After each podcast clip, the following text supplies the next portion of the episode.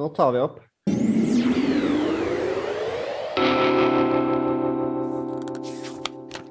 Kjære lytter, kjære bokvenn, medmenneske og medborger. God jul. Vi skulle egentlig vært på blå nå og sittet på et lite podium opphøyd på hver vår stol med publikum i salen.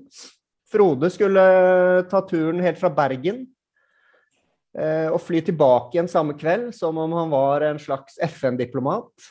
Men eh, det ble ikke noe av. Vi, det ble avlyst. Omnikron tok oss. Eh, men vi har fått til et Zoom-møte. Det er vi veldig glade for. Velkommen til Og nå blir det spennende å se om jeg husker deres credentials. Um, Frode Helmik Pedersen, eh, litteraturforsker, kritiker og ute med bok i år. Traff jeg? Ja, det var bra. Ja. Så har vi Live Lund, kritiker, journalist. Og så har vi Thea Baugstø, kritiker og essayist. Og så har vi Eirin Andresen Betten, forfatter, ute med bok i år. Kritiker, essayist, journalist og romantisk nostalgiker. Jo, takk, Jonas. Du tar det som et kompliment? Jeg tar det som kompliment. Flott. Det var ment sånn. Eh, Det er årskavalkade. Det har vært et litterært år eh, som vi kaller for eh, 2021. Og vi skal snakke om eh, flere ting, men det første vi skal snakke om, er årets litterære hendelse eller trend. Så nå er vi spente. Ok. Eh, min eh, min eh, største litterære hendelse, som ikke er min personlige, men, eh, men som jeg syns eh, Ja, av de sjeldne i Litteratur-Norge, er digitaliseringen av vinduet. Det er en veldig stor litterær institusjon som forandrer seg veldig my mye. Og, og også at det er litt symptomatisk for endringer som skjer i, i bransjen generelt. Eh, Det er jo tidlig å si hvor vellykka digitaliseringen er. Selv så leser jeg alle anmeldelsene til Maria Horvei. Jeg syns hun er god. Eh, Og utover det så har jeg ikke helt fått taket på leserytmen, hvordan, hvordan jeg skal konsumere det. Eh, Men jeg syns jo at eh, ja, jeg, jeg er vennlig innstilt.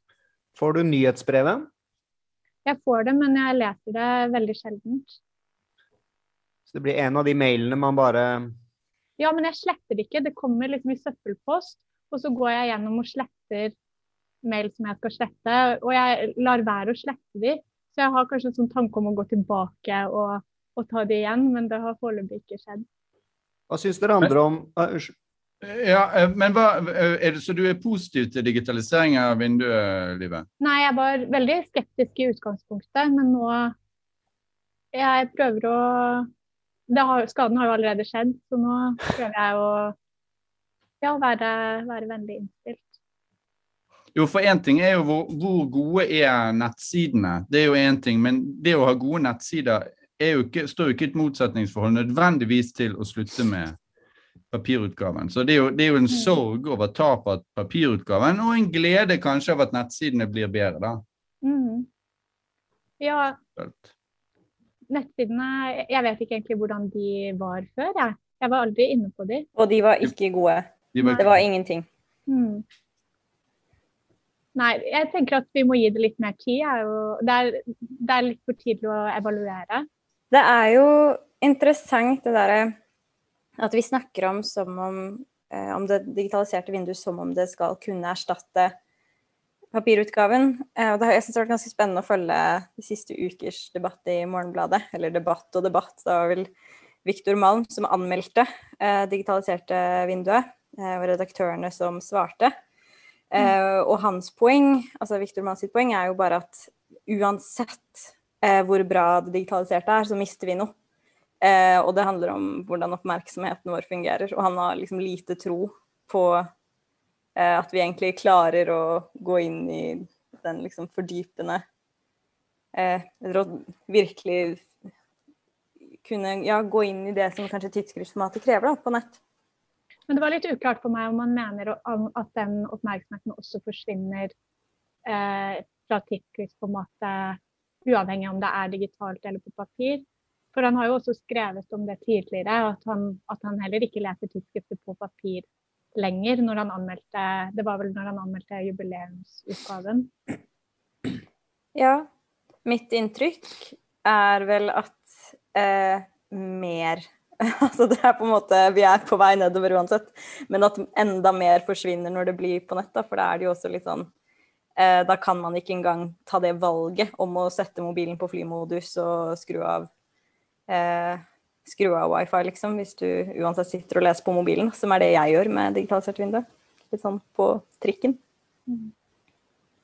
Ja, men, men, eh, det er jo allerede faktisk flere år siden tidsskriftet Edda, som var jo en svær institusjon i nordiskfaget, eh, ble heldigitalisert.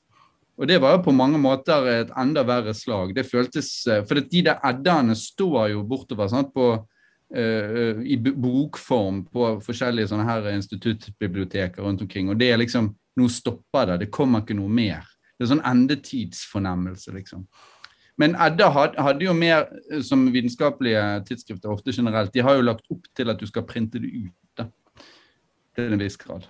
Altså du laster ned en PDF du kan printe ut. Det er ikke noe eh, å satse på for vinduet, tror jeg. altså.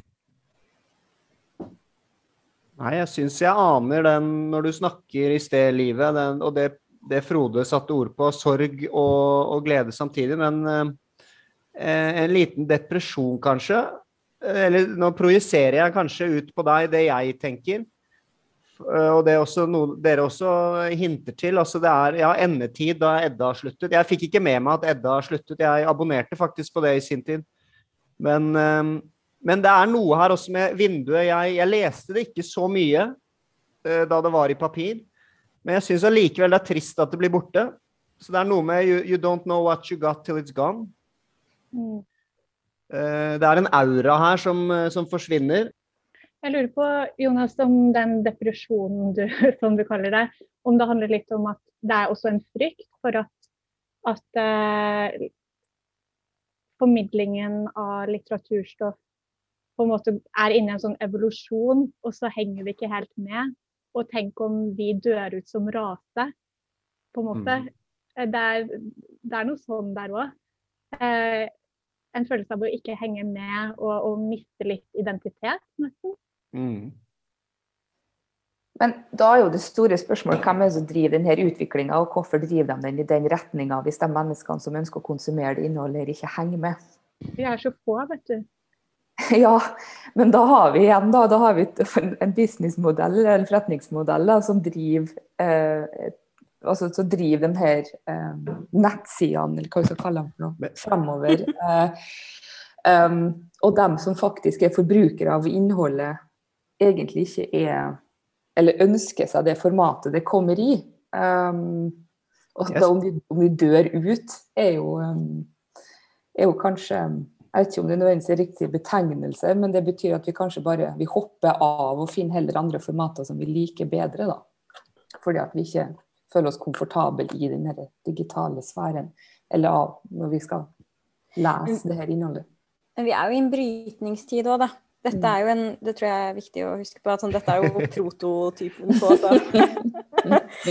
altså, det er jo um, Jeg har tenkt mye på liksom, hvordan iPader er brukt veldig mye i barneskolen. Uh, altså, det er helt sinnssykt. Barn som går gjennom liksom sju-ti år uh, fra de er seks år til de er 15, og egentlig nærmest ikke har skolebøker, bare iPad. Og jeg tenker at de stakkars de barna de er jo prøvekaniner i noe som vi forhåpentligvis kommer til å gå tilbake på, fordi det er ingen forskning som tyder på at det er gunstig for læring å kun ha iPad. Eh, og at det er jo en utvikling som umulig kan fortsette. Um, og det er jo ikke Altså Det er jo Men det er jo økonomisk gunstig. Litt som det er å gjøre vinduet digitalisert. Mm. Nei, jeg ehm, Det er jo et skritt mot singulariteten, som det heter. Og eh, hvor vi alle er på vei eh, etter hvert. Men eh, jeg skulle si eh, Jeg ser ikke bort fra at før eller senere så kommer vinduet med et sånt tillegg til internettsiden. Så faktisk, Tror ikke dere også det? At det kommer en slags papirtillegg etter Et lite blad. Ja, et lite sånn flygebladaktig sak. Eh, Jeg ser ikke bort fra det. Som en sånn addendum til nettsiden. Men jeg har et spørsmål til dere før vi går videre på flere trender av året. Er det bare jeg som iblant dagdrømmer om at eh, administrerende direktør for Gyldendal, Arne Magnus, ringer, og så sier han eh, Jonas, eh, vi trenger ny redaktør for Vinduet. Og vi trenger en, en dyktig person. Vet du hvem jeg tenker på? Det er deg. Nå setter jeg det litt på spissen, men det å være redaktør for Vinduet er jo en ettertraktet jobb. Det er liksom en redaktørrekke. Har dere også noen gang lekt med den tanken? Dere trenger ikke være ærlige her, men eh, hvis dere Er, det bare jeg? Tror det er bare du, ja. Ja, det er bare Virker sånn. Mm. Nei, altså Jeg har jo vært eh, for så vidt redaktør for Vinduet, men jeg, jeg var jo bare med sånn underoffiser Ja. under Jordals regime i redaksjonsrådet. Men der, jeg, var, jeg involverte meg en god del der i tekster og initierte tekster og var borte på Gyldalhus. Ja. Ja. Så, så jeg, var, jeg føler jeg har vært uh, mer, mer enn nok med der, egentlig. Men, uh, men det er jo klart, han, sånn som han gjorde det, det var jo noe helt annet enn det jeg gjorde. Jeg var jo egentlig, gjorde jo bare sånn hva skal man si, grunnarbeid. Mens han, han laget jo, slik vindueredaktører skal, sin egen visjon som han fikk da eh, eh, realisert. Og det, jeg forstår godt at du har lyst til det. Og hvis jeg hadde eh, vært i en annen situasjon, så kunne det godt hende at jeg hadde dagdrømt om det. Men nå har jo jeg vært i Vagant og, og egentlig føler jeg kanskje litt ferdig med det da, Men, men, eh, og litt for gammel, kanskje. Ja. Men, men absolutt, jeg forstår det veldig godt. Ja, takk. Ja, og Det betyr jo at du har uh, visjoner for, uh, for et litteraturtidsskrift i Norge. Det er jo gledelig. Hvordan skulle det sett ut, Jonas? Nei, det skulle vært um, samme logo. Så uh, visuelt veldig likt, men vi skulle nok hatt flere, um, flere essay om mat og litteratur, blant annet. Den koblingen jeg, s- jeg syns er interessant. Men, Men jeg- men du er du sikker på at du ikke ville gjort noe med logoen? altså? Nei, Jeg ville hatt samme logo. Jeg liker den logoen på nettsiden. Den litt sånn gammeldagse uh, greia. Ikke, men du, du ville kanskje gå tilbake til Vet du papir? hva, vet du hva, vet du hva uh, Frode? Jeg sitter og lyver for deg. Jeg, jeg ble tatt på sengen, og jeg har ingen visjon for hva jeg ville gjort. Det, dette var ekkelt å oppdage. Jeg har, jeg har ingen visjon for hva jeg ville gjort med vinduet. Du måtte sette ned og tenkt deg om da litt. Ja, men, men hva, da, hva er motivasjonen, da? Det er jo bare fame og, anerkjennelse. Ja, ja. Frode, tar du nå, eller skal vi sende den til en av de andre? Nei, vet, vet, vet du hva som var faktisk for meg personlig? Det var når vi var på litteraturfestivalen på Lillehammer. Så var det nemlig sånn at jeg var relativt tidlig eh, oppe der, og det, det betydde at jeg var der dagen før eh, lettelsene i eh, koronareglene. Og da når, Jeg lurer på om det var torsdagen de kom, og jeg hadde vært der på onsdagen. Og når den torsdagen kom, og vi skulle ha kritikerseminar, all folk kom opp fra Oslo, det var så euforisk. Og det var så mange eh, mennesker som bare elsket å snakke med hverandre. Og bare være der. Folk var i så godt humør. Eh, Det var helt fantastisk. Og det var jo og, og litterære samtaler og, og, og diskusjoner og sånn, men med en sånn veldig ny giv og energi og en følelse av at endelig er vi liksom fri. Det var ikke det da lenger, da, men det var et øyeblikk der. Det var egentlig min sånn personlige hendelse. Ja, den, den likte jeg godt. Jeg må jo skrive under på at det seminaret var usedvanlig vellykket, hyggelig, spennende og, og nærende, vil jeg si. Ja, jeg, var, jeg var jo dessverre ikke på andre dagen, og jeg visstnok fikk uh, kritikk. Men, men det, var noe, det var bare fordi at jeg, at jeg var nødt til å ha muntlig eksamen. Jeg hadde fått kollisjon. Så jeg har satt på hotellrom og, og intervjuet eh, studenter om uh, pensum. Men, uh, men uh, ja. Så det var på mange måter min, min hendelse. Mm. Live, hva var din hendelse? Jeg tok vinduet. Nei, unnskyld, nå må jeg meg. Jeg mente selvfølgelig Thea. Ja, jeg har jo jeg har jo skrevet et essay i eh, nummeret, siste nummer av bladet som er ute nå. Eh, julenummer, holdt jeg på å si. Det er vel ikke det som er eh, temaet, men eh, desembernummeret. Eh, hvor jeg eh, skriver bl.a. om eh, klimalitteratur. Eh, og at det gjerne etterlyses. Og så prøver jeg å si noe om at det egentlig skrives ganske mye klimalitteratur, og har blitt gjort det de siste årene, men at det ser litt annerledes ut enn det man gjerne tenker på. Fordi vi ofte tenker på hva er det man sier, cli-fi eller eh, sjangerlitteratur. Eh, litt sånn Gert Nygaardshaug, Maja Lunde, litt sånn store, episke, dystopiske fortellinger. Mens jeg tenker at uh, norske klimabøker, sånn som de skrives nå, egentlig er uh, ikke så ulike norske bøker som har blitt uh, skrevet lenge. Annet enn at, eh, at klimatrusselen da, ligger liksom under og går inn i det psykologiske og påvirker. eh, påvirker psyken til karakterene som skrives om, og kanskje også utgjør en litt sånn ja, grunnleggende eh, Altså det legger premissene for væren i verden, da. Og da finnes det, og da ramser jeg opp eksempler i det essayet også. Det er jo alt som har med liksom gårdsbruk og jordbruk og eh, Clementine Håheim, Marianne Clementine Håheim har skrevet en fin bok, 'Plikt', blant annet. Eh, Brynjulf Jung Kjønn. Eh, flere diktbøker er inne på det også, annet Kristin Berget. Mm. Syns du det, de klarer å skrive om klima på en, eh, en eh, ikke-kjedelig måte? Eh, ikke kjedelig, det var bra formulert.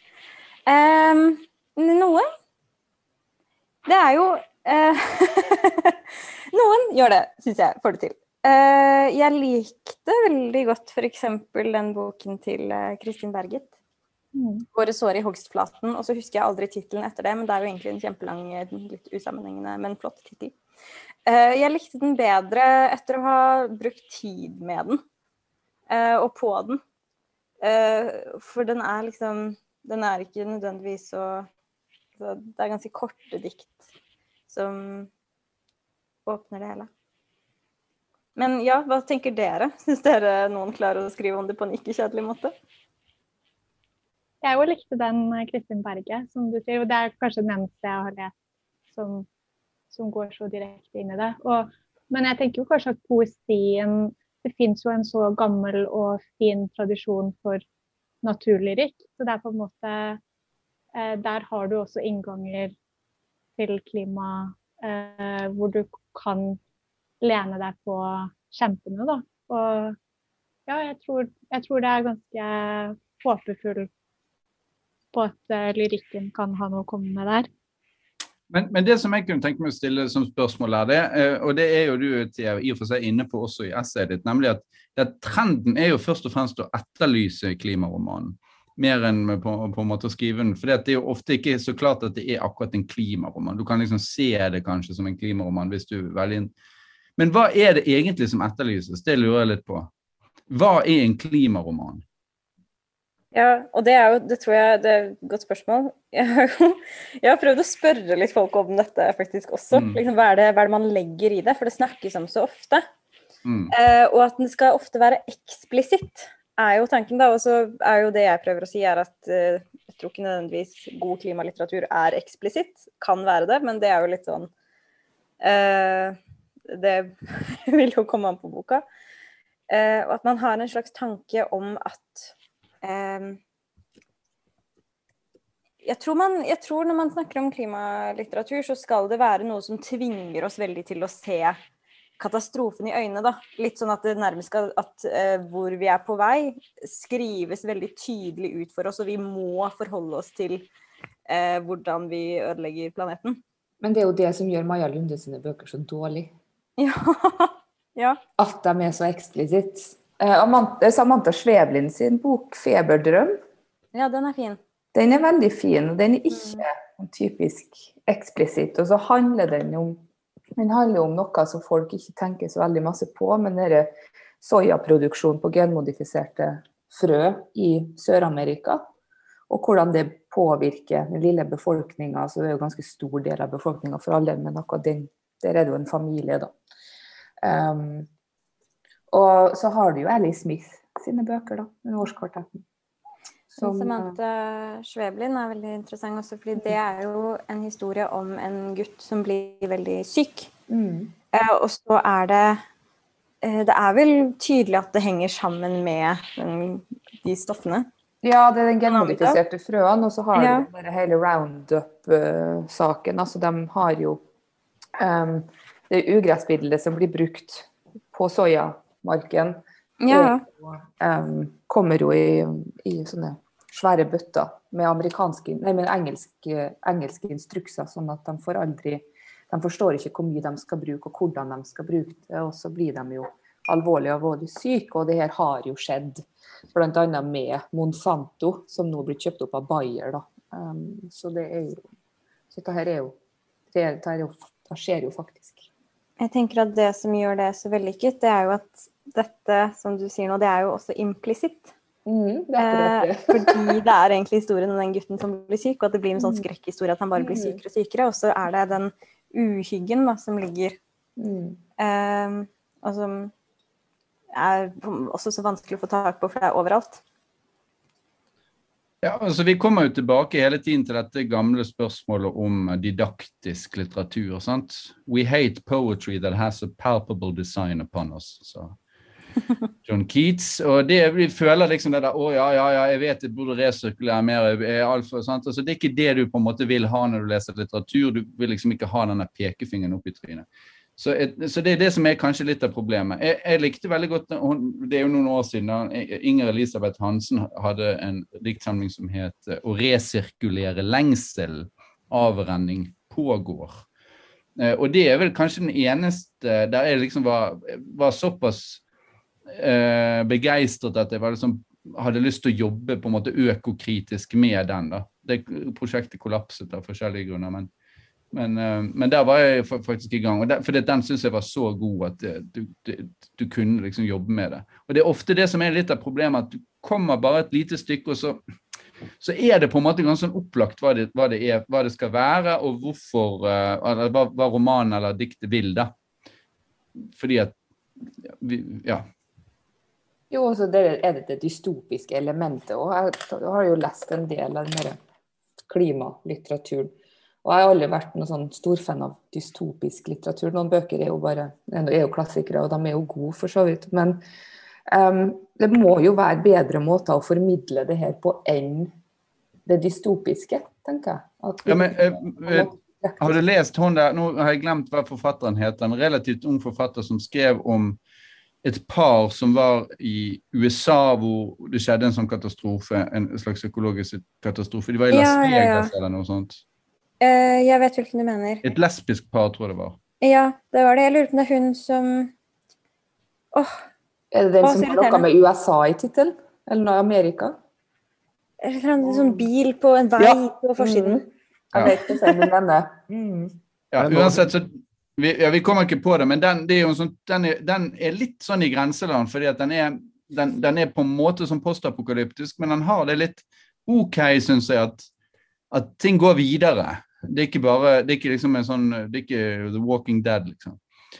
Uh, det, samfunnet kveiler seg på en eller annen slags måte videre, selv om det har vært en katastrofe. Så det var litt, litt OK, men det var veldig sånn skroll den var skrevet som, som, om den kunne vært publisert i sin helhet på Vinduets nye nettsider. egentlig. En sånn scrollevennlig roman.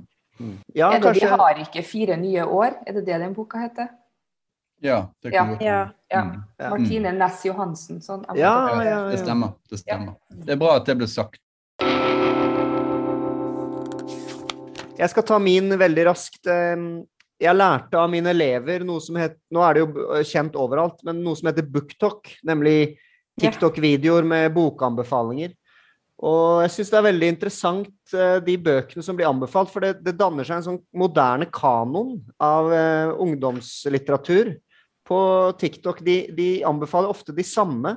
Og de bøkene er Jeg syns det er kjempebra, for det er en sånn fortellerglede i ungdomslitteraturen. Og den står veldig sterkt i det um, engelskspråklige eh, tradisjonen. Altså det er, det er gode, fortellende romaner som kanskje ikke har de store pretensjonene om å, om å være dyp, men som Noen av de er virkelig, virkelig gode. Og der har jeg plukket opp noen bøker som jeg mm, har likt kjempegodt. Så BookTok syns jeg var en liten åpenbaring. Nå er jo selvfølgelig alle Nå er det blitt veldig kjent, og alle skriver om det og sånn, men uh...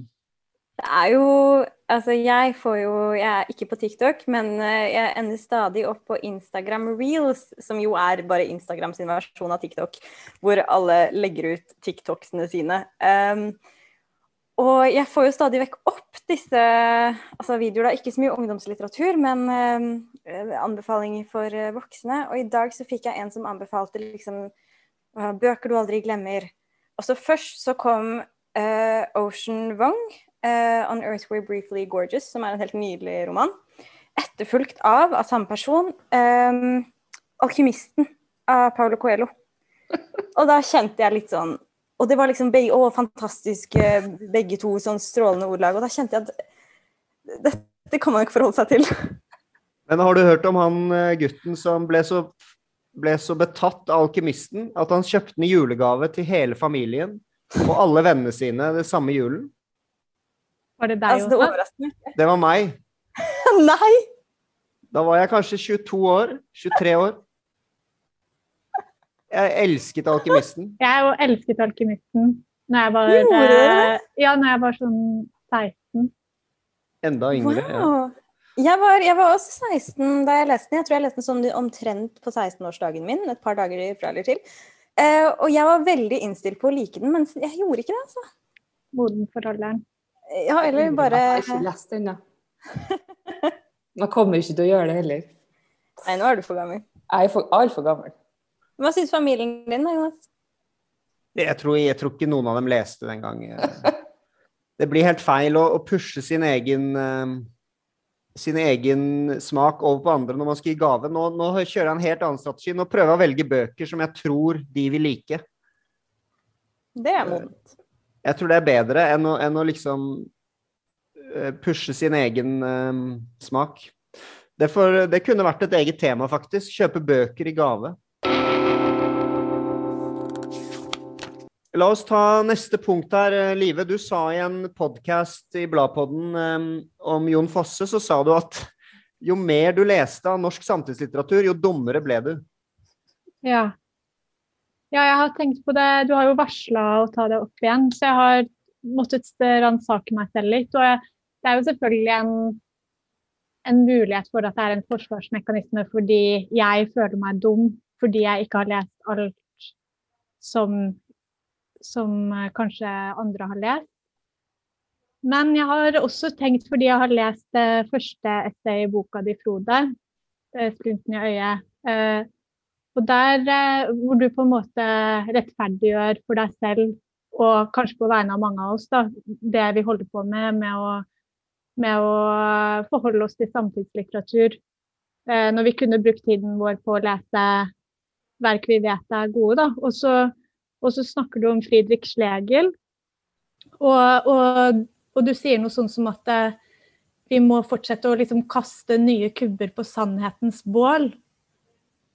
Men det store spørsmålet når det kommer til norsk samtidslitteratur, er om det er Kan vi virkelig kalle det sannhetens bål?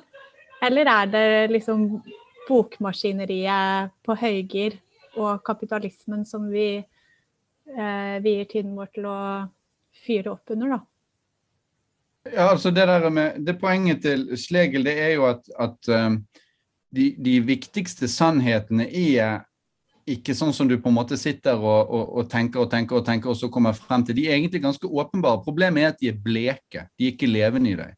Så For å få de levende så må du ha nye formuleringer, de må settes inn i nye sammenhenger, de må få nye språkdrakter, og så kommer, kommer det aspekter ved de sannhetene til syne som du, som du ellers ikke uh, hadde sett.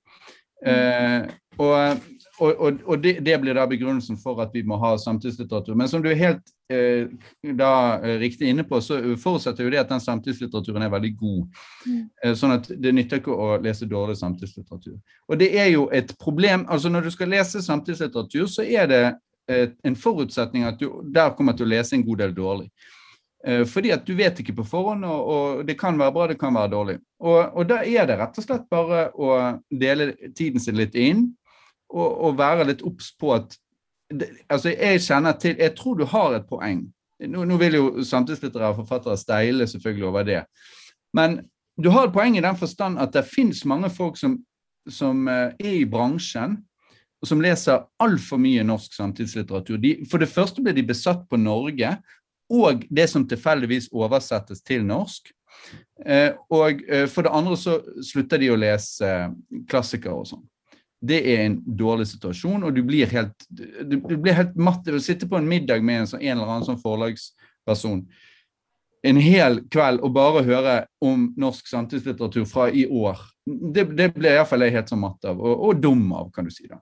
Så det, det nytter ikke. Men, til, til, til, som, men, vi må gjøre det.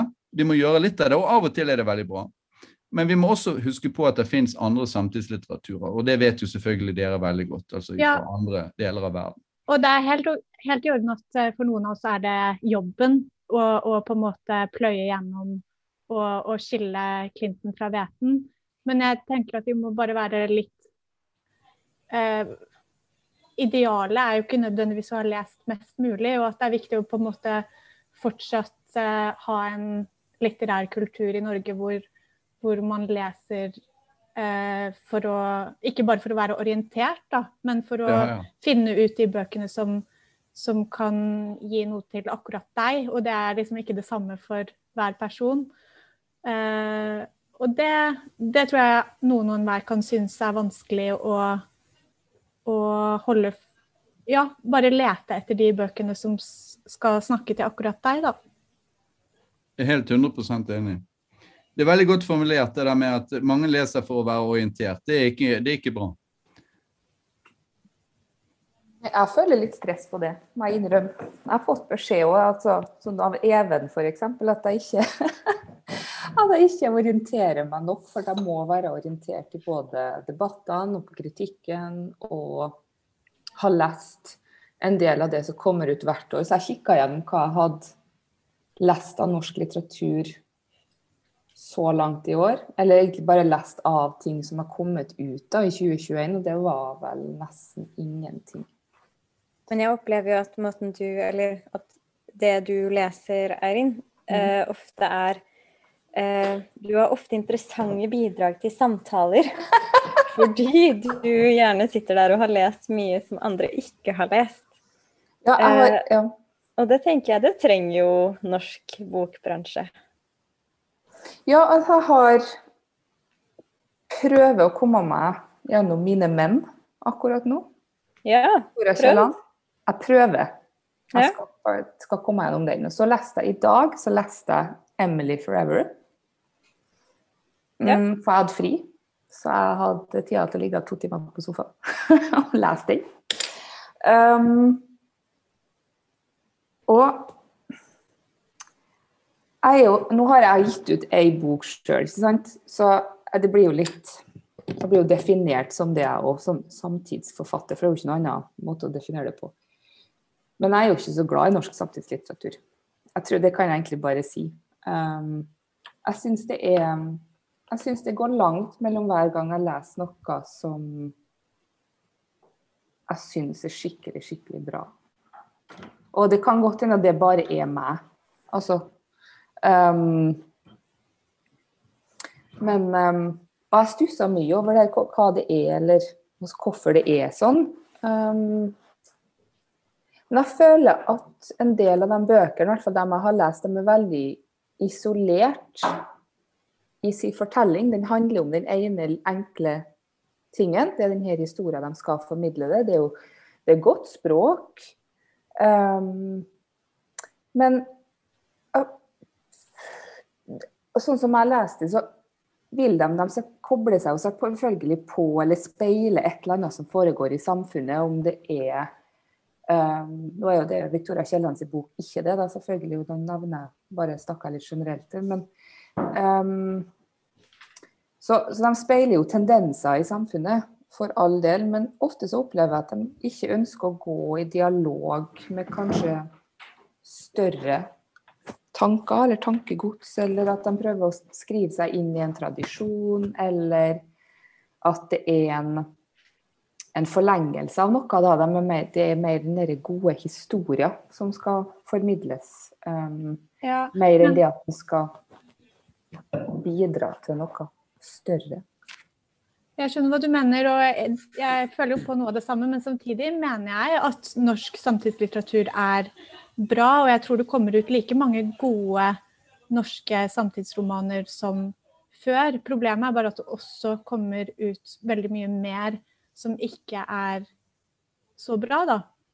Men, men jeg, jeg syns at vi har nok gode norske samtidsromaner som kommer ut i løpet av et år, til at dette er veldig veldig verdifullt å holde på med. Eh, problemet er bare alt det imellom. Ja, og så er det jo hva man gjør med det. For jeg også mener jo at det fins mye bra norsk samtidslitteratur. Eh, Jeg er jo glad i mye av det. Eh, I år har jeg jo forlest meg på det, for jeg har sittet i juryen til eh, Ungdommens kritikerpris. Dvs. Si nominasjonsjuryen, og vi har, hatt som, vi har skullet lese absolutt alt. Fordelte mellom oss, men vi er bare tre personer. Ja, ble du dum av det? Eh, jeg ble i hvert fall ikke spesielt smart. Eh, men jeg tror til slutt der så er jo ikke problemet eh, hva jeg leser, men det er jo hvordan jeg leser. Og da er det jo litt sånn inne på Mm. det uh, leser for å orientere meg, men når jeg bare leser for å ha kommet meg gjennom alt, for å kunne felle en eller annen kvalitetsvurdering jeg kan stå inne for, um, og ikke egentlig har tid til å være i boka. Jeg tror man kan bli smart av å bruke tid på en dårlig bok. Uh, eller bli smart. Man kan i hvert fall få mye ut av det. Eh, men eh, å ikke ha den tiden er jo litt Men hva ligger i det å orientere seg? Hvorfor skal vi det? Nå bare stiller jeg sånn Det høres ut som egentlig et dumt spørsmål, men, men er det for at du skal kunne være med i en, i en samtale? Er det for at du skal vite hvem Altså, hva, hva, hva det som ligger i det? Å bidra til det litterære kretsløpet i dette landet, da? Ja, nå, jeg skriver jo ikke jeg kritikk, Jonas driver jo omfattende, så jeg titulerer meg som kritiker. Men jeg skriver jo ikke kritikk, så for meg så spiller jo ikke det noen rolle. Nei, men hvis du er kritiker, så må du være orientert i samtidslitteraturen. sant? For ellers så, så, så Sånn som eh, noen i BLA gjør det. Så, men eh, Hva sa du? Hva sa du? Jeg Nei, nei, ikke greit å få snakket med. Nei, men Jeg, hvis du mist, er veldig ja, men vent, jeg mistet deg tilfeldigvis. Du sa noen i BLA. Nei da, jeg bare mener at hvis, når du, du leser en veldig ung kritiker som, som ikke kjenner liksom, den norsk samtidslitteratur de siste 20 årene, så leser du av og til du undrer du deg, Det er et eller annet veldig merkelig med, med kritikken, for det, det er noen forutsetninger som mangler. Ok. Og det, det må, Sånn må det være, og det er bra, men, men det er et eller annet med at du kan ikke holde på å være ikke-orientert over lengre tid som kritiker. Da, blir, da blir du ikke noen god kritiker. Men du må heller ikke miste kontakt med internasjonal samtidslitteratur og kanoen, da. Og eh, med det som Eirin sier med altså koble seg på store tanker og ideer og sånn, det er jeg eh, helt enig i. Eh, men det er jo da vanskelig. Disse store tankeromanene, sånn eh, Der Mann og en Eigenschaften, det snakket Thea om også i essayet sitt. Altså 'Mannen uten egenskaper'. Og, og um, 'Søvngjengerne' eller 'Trolldomsfjell' eller ja, disse her store modernistiske tankeromanene. Noe sånt er det, er det jo ikke å få på norsk uh, i noen særlig grad. da. Så um, det er jeg jo enig i. Og, og, og, men det du, det du egentlig tar opp der, det er jo ambisjonsnivået. At det er rett og slett ofte litt for lavt. Eh, og det er vel dere andre litt sånn inne på også. Sant? At det, det, det er mye lettere å skrive en roman hvor du har på en måte begrensede rammer, enn hvis du virkelig setter deg for å gjøre noe stort. Sånn som ja, noen gjør det. Noen gjør det jo. Knausgård sier jo i dag at han skal skrive fem bøker om disse her. eh, Denne morgenstjernen sin. Og, og, God bless him. Men um, Og, og det fins uh, Ja. Det fins jo en del andre eksempler, men uh, det, det, er ikke, det er ikke noe vi er bortskjemt med i, i norsk samtidslitteratur. Det er stort sett veldig sånn tighte eh, avrundede, relativt begrensede universer som er ganske sånn håndterlig. Og, og, og jeg husker ikke hvem av dere som sa det nå, jeg tror det var Thea. Det der med at du Da leser jo det veldig raskt, sant. Eh, hvem var det som sa to timer på sofaen? Det var meg. Ja, du leser ikke 'Mann uten egenskaper' på to timer på sofaen. Og, og jeg har av og til tenkt det som kritiker, hva hadde vi gjort hvis Ulysses eller uh, The Waves eller et eller annet sånt kom, eh, kom liksom på, på, på PDF på, på torsdagen, og så skal den inn på ferdig anmeldelse på tirsdagen. sant? Det er jo absurd. Eh, Amund Børdal tok jo det opp. han, eh, ja, Amund Børdal var, lanserte seg selv som den store forsvareren av Solstads Telemark-roman. Og han var jo veldig opptatt av det der. At det var absurd å lese anmeldelser av den boken så tidlig. At det er en bok det tar et halvt år å, å, å få noenlunde grep om. Og jeg var jo en av de som forsyndet meg da. Jeg hadde jo til og med fått en nyfødt unge som jeg satt med. og på ark som fløy jo med gull på. Solstad skriver at du skal lese sakte, ord for ord. Ja, og det var det ingen som hørte på. Og til og med så sa Ingunn Økland i, i Aftenposten at det var en hersketeknikk fra Solstads side, som, eh, som, eh, som man absolutt ikke må følge. Ja, men det, selvfølgelig må man det, og mange bøker må, gode bøker må man lese mye saktere enn det vi, helt sikkert alle sammen, det tempoet vi bruker på sam- samtidslitteratur. Så det er et problem, og det er fordi vi leser for å orientere oss. Så um, til slutt, Live. du sa nemlig at du skulle begynne å lese mer filosofi. Og det kan jo også være noe å skifte sjanger. Man, kan, man kan skifte um, ulike samtidslitteraturer, som, uh, som Frode er inne på. Men også lese mer um, sakprosa eller filosofi. Har du begynt med det, Live? Ikke så mye. Jeg har begynt å lese litt teologi, faktisk. Jeg driver og koser meg med Jean Calvin. Det, det skal være mitt eh, store prosjekt eh, i livet, og er å gjøre Calvin great again. Um, så ja, og Moltmann har jeg begynt å lese. Men, men eh, ja, så jeg har jo skifta litt sjanger, da. Det har jeg. Ja. Um, bare én liten ting. Man kan, man kan få det oversatt. nei, nå skal jeg bare lese gode bøker. Jeg, fordi man leser et eller annet som var veldig godt. Men jeg tror at det, det går jo ikke. Hvis man hadde prøvd på det, da, så ville man La oss si du hadde lina opp ti kjempegode bøker. Du ville ikke fått ti fantastiske leseopplevelser. For jeg tror det er, så, det er så mye betinget av din indre tilstand, som også treffe boken. Mm. Sånn at eh, jeg tror selv ti gode romaner, så er det kanskje bare én av de som, hvor du virkelig løftes, da. Ja, men, men du, det er klart du av og til lider som leser og med gode romaner, men det hører med, det.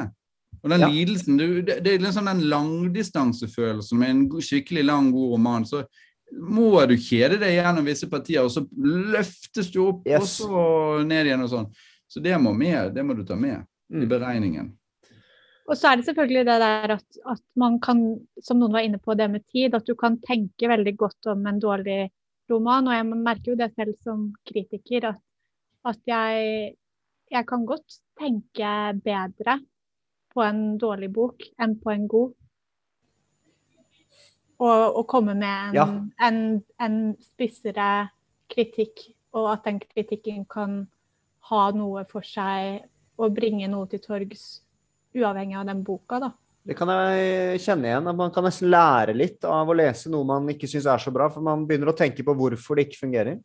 Ja. Men vi kritikere, vi må passe oss for å ikke bli sure, bitre og triste. Nei, tristhet tror jeg er greit, men sur og bitter tror jeg ikke er så bra. Så nå skal vi vise litt kjærlighet også til litteraturen. Og vi skal komme med årets litterære fryd. Vi trenger ikke å bruke så mye tid på det, men vi skal i hvert fall nevne noe som har frydet oss i løpet av året som har gått. Um, men først må vi blåse ut enda mer av det sinnet og irritasjonen, så da starter vi med årets litterære irritasjon. Og så tar vi årets litterære fryd. Men vi først tar alle sin irritasjon, så vi får det ut av verden. Og så går vi inn i fryden. Så ehm, årets litterære irritasjon. Kan jeg, eh, kan jeg starte? Ja. Uh, jeg, det er egentlig det er, Jeg vil gjerne starte fordi det er egentlig det vi har snakket om. At uh, I år har jeg lest altfor mye norsk samtidslitteratur. Uh, det har vært spennende og gøy, men det har også vært fryktelig irriterende. Takk for meg. Altså, du, du, du nevner ikke noen eksempler, for det, det ville være urimelig. Ja, nei, det eh, Altså bare eksempler på bøker som har irritert meg. Mm. Det, nei, det føler jeg er urettferdig, fordi jeg, fremde, jeg er ikke sikker på om det er bokens feil eller eh, måten jeg har lest på. Og jeg nå trodde du Eh. skulle si at alle var irriterende, derfor det var urimelig å trekke frem én spesifikt som måtte ta støyten for. Det har vært mer enn én irriterende bok. Så Si én, da. Si én av dem. Hva er din eh, litterære irritasjon, eh, Eirin? Min Åh, jeg irriterer meg også. så mye. Mm, så jeg satt og stussa på det her i dag, og jeg Åh, Jeg greier liksom ikke land på noe. Um, men jeg, jeg, jeg tror det er Jeg synes det å lese anmeldelser er ganske kjedelig. Og jeg tror det er min sånn store sånn irritasjon, litterær irritasjon. Jeg, jeg leser jo dem, jeg leser Morgenbladet i helgen og Klassekampen og litt eh, og blad og litt andre ting her og der. Og jeg må innrømme jeg syns egentlig ikke det er spesielt artig å lese anmeldelser. Hva er det du sier? Så i dette selskapet Og i det helt selskapet. Ja, men du, du er inne på noe der òg? Ja, det er um, en av at Altså, du leser jo anmeldelser på bøker som du ikke kommer til å lese. Um, og så er det noen anmeldelser som avslører altfor masse. Og så vet du at det er noen anmeldelser som er helt urimelige. Og i hvert fall dem som er Når du merker at her er det bare lest ganske kjapt og bare skrevet ut noe og sendt av gårde, for det er jo et tidsbegrensa opplegg. Um, Men nå snakker du om dårlige anmeldelser. Ja, men har du ikke noen Ja. kritikere som du alltid gleder deg til å lese? ikke lenger. Hadde før. Har Er det ingen av oss fire Men det er alltid Preston Company excluded. Det er Alltid. høflig, okay. Det er samtale. ah, Nei, men Den kjente jeg ikke til, men det har du selvfølgelig rett i. Nei, sånn må vi, så må vi ha det. Ellers hadde ikke vi overlevd en eneste lunsj nede på allmenn allmennlitteratur. Nei, men det er kanskje min greie. Nå fikk jeg det ut av verden. Ja, men jeg syns det var kult, kult, Mm. fordi jeg så annet at øynene til Frode våknet veldig til når du sa det. At du, kjed, at du syns det var litt kjedelig å lese anmeldelser. Eh, ja, men det som, jeg, det som jeg hadde tenkt å si til det, det var jo at jeg er så veldig glad for at Eirin er med, så jeg slipper å si de sånn negative tingene som pleier å være min rolle. Så nå kan jeg være mer sånn Ja, ja. Jo jo, men det er jo tross alt en god del bra, da. Åh, for en dag. Dere traff meg på i dag. Ja, det er fint. Er det flere litterære irritasjoner eh, å lufte før vi går på Fryden? Ja, altså Ja. Jeg, jeg, nøler litt, siden det er noen ingen som har villet trekke frem noen konkrete. Så nøler jeg jo litt med å gjøre, liksom lage én syndebukk. Men uh, jeg kan si det at eh, av og til så jeg blir jeg litt irritert av Tom Egil Verven i Klassekampen. Uh, og inkludert men Ikke alltid, ofte liker jeg det han skriver, men uh, av og til blir jeg irritert. Og, og, og det ble jeg denne gangen han skrev om Per Petterson. Og grunnen til det var at det var jo annet det at både Bernhard Ellefsen og uh, han her øh, Grytnes, heter han visst, uh, han uh, hadde, han hadde da De hadde slaktet Per Petterson. Eh, og, og, og, Verven elsker Per Petterson. I likhet med veldig mange av hans generasjon i Oslo. Sånn at Det som irriterer meg, det er den enorme forurettetheten over over at noen kan si noe negativt om Per Petterson, som jeg har bevitnet i årevis. Og, og, og han til og med trakk frem en gammel artikkel fra før jeg begynte i Vagant, altså før 2004, av Jørgen Sejersted, som de aldri klarer å glemme, disse her uh, Oslo-folkene. Eh, eh, eh, den skal igjen frem, og det var en ganske god artikkel om Per Petterson faktisk i Vagant, som var litt kritisk, men det, er noe av det beste som har vært skrevet om det forfatterskapet. Og det der skal vi komme med nå nok en gang. Så da var jeg litt irritert. Men Så leste jeg Per Pettersons bok, midt 'Mitt Abruzzo', og Grytnes sin anmeldelse, som var totalt urimelig. Eh, eh, og da kom jeg jo litt over på Verven sin side likevel, for det er ikke en ener. Altså Hvis du ikke skjønner forskjell på en firer og en ener ja.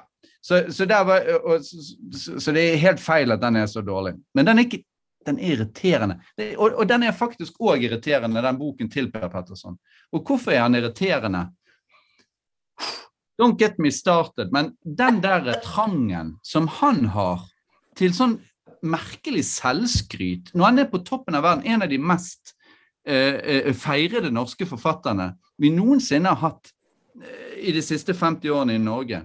Likevel denne enorme usikkerheten og hele tiden skal skryte av seg selv. Altså, slapp av, du trenger ikke det. Men, ja, så, så den var litt irriterende, den òg. Her, her, var du god, Frode. Dette var din, din sjanger, føler jeg. ja, dette var flott. Ranten. En rant. um, men Frode Nei, um, Johannes Grytnes har jo anmeldt deg i siste blad. Altså, Jeg syns ikke vi kan ta liksom irritasjon med, med anmeldelser av meg. Det, det, får vi heller ta, det burde vi ha tatt på festen senere. Da da skulle vi hatt litt englemusikk her, for nå skal vi snakke om årets litterære fryd. Hva er det som har frydet dere?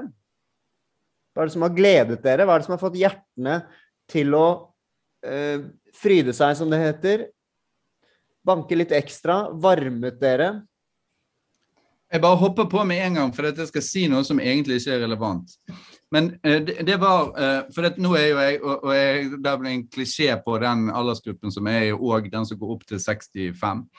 Eh, og det er jo det når Peter Jackson lagde den der Get Back Beatles-dokumentaren som alle på min alder og opp snakker om, så er det en scene hvor de ikke har noen sanger og Paul McCartney sitter bare med gitaren sin og leter etter ideer, og så bare kommer Get Back.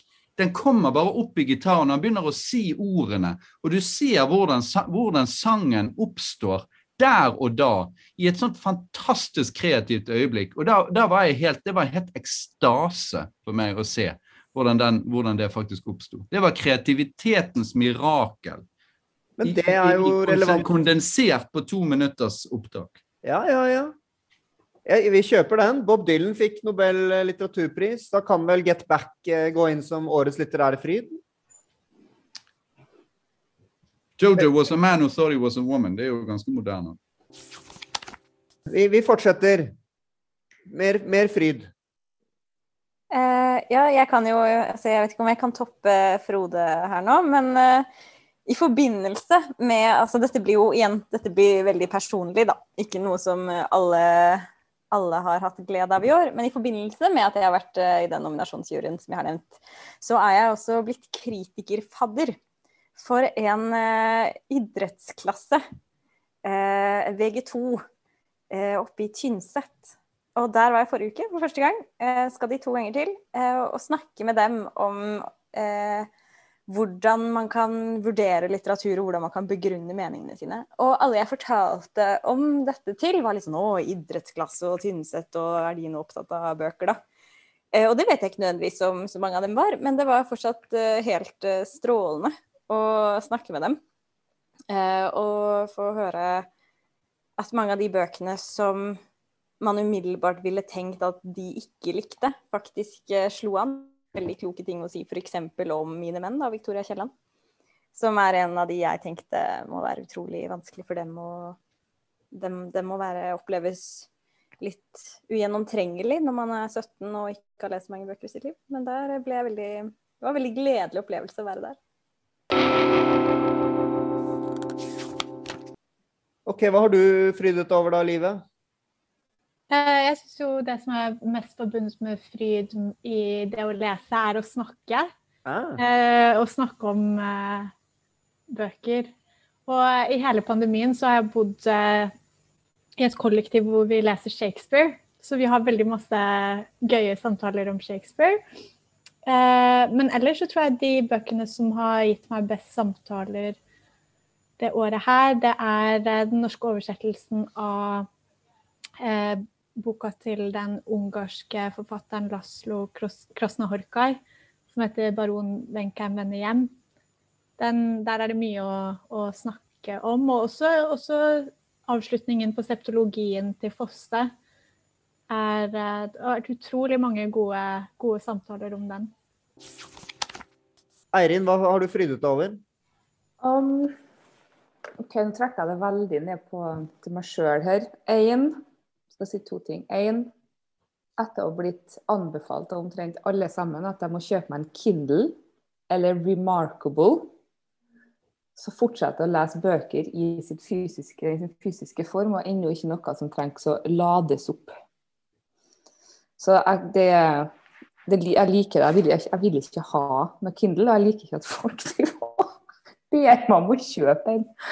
Um, og så har jeg en greie når jeg er hjemme til foreldrene mine i Kristiansund. Så er det noen sånne svære bokhyller som står der. Og um, masse bøker som jeg ikke har lest. Så jeg plukker alltid ut på sommeren og kanskje i jula ei bok som jeg vil lese. da. Så de som har stått i hyllene der i alle år. Mange av bøkene bøker som mamma og pappa har kjøpt. Så i sommer så plukka jeg ut 'Udødeligheten' av Milan Kundra. Og står som den største leseropplevelsen i år. Det var helt fantastisk. Det er bare den ja. Da snakker vi om noe som du må lese på nytt og på nytt og på nytt, som du ikke blir ferdig med. Du sendte meg et ja. Eh, flott sitat fra den jeg husker jeg, om å gå. Mm. Det var veldig fint. Ja, det var veldig fint. Hele boka var bare vidunderlig. Ta meg tilbake til 1996. Allmenn naturvitenskap. Nygårdshøyden. Da snakket alle om den. Du var sin cirka der, var ikke det? Den kom på norsk? Jeg vil anta det. Ja, mm. uh, ja jeg sjekka ikke Jeg husker ikke. Kanskje litt uh, rundt der. 596. Jeg vil anta det, ja. Uh, men jeg kunne også nevne, bare hvis du skal nevne en roman, da, så syns jeg at jeg vil nevne den Rachel Cusk sin 'Second Place' som en sånn frydefull Veldig frydefull roman å lese. Det syns jeg var særlig Spesielt godt.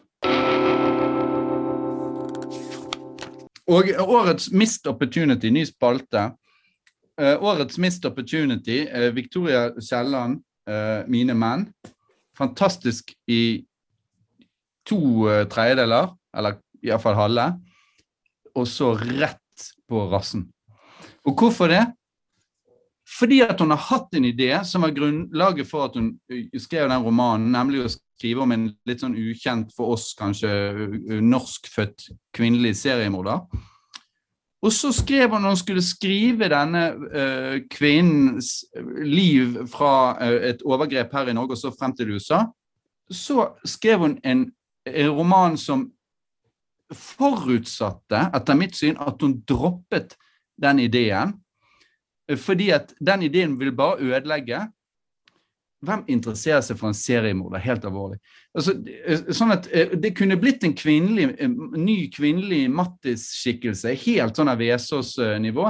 Og så skal vi ha det der med at hun driver og dreper folk der borte. Så bare, da blir på en måte ingenting av det hun har gjort frem til da, noe poeng med.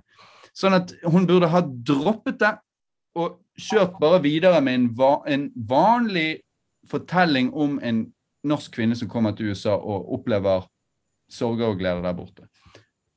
Men jeg får veldig mye kjeft eh, pga. kritisk kvartett fordi at jeg alltid gir råd til forfatter. Det er det leserresponsen eh, som vi får mest. Men da, til det vil jeg bare si, kjære lyttere, en kritiker må alltid snakke om eh, hvordan ting kunne ha vært gjort. Det hører dessverre til vår, eh, til profesjon. Vår profesjon. Ja. Nå kommer uh, Kielland uh, som gjest på podkasten i 2022. Så... Ja, hun er en fantastisk, en fantastisk uh, forfatter. Mm. Kjempetalent. Så jeg, det, det, var derfor jeg sa 'mist Opportunity'. Ja, jeg syns um, om, om, hun burde gjort det eller ikke, skal ikke jeg uttale meg om, men den tanken du lanserer om at man kan kaste stigen, som det heter Man fikk en idé, men så kaster man vekk ideen fordi man havnet et annet sted. Det syns jeg egentlig var en uh, interessant uh, tanke, og som kan gi kanskje mange romanideer til uh, de som hører på dette.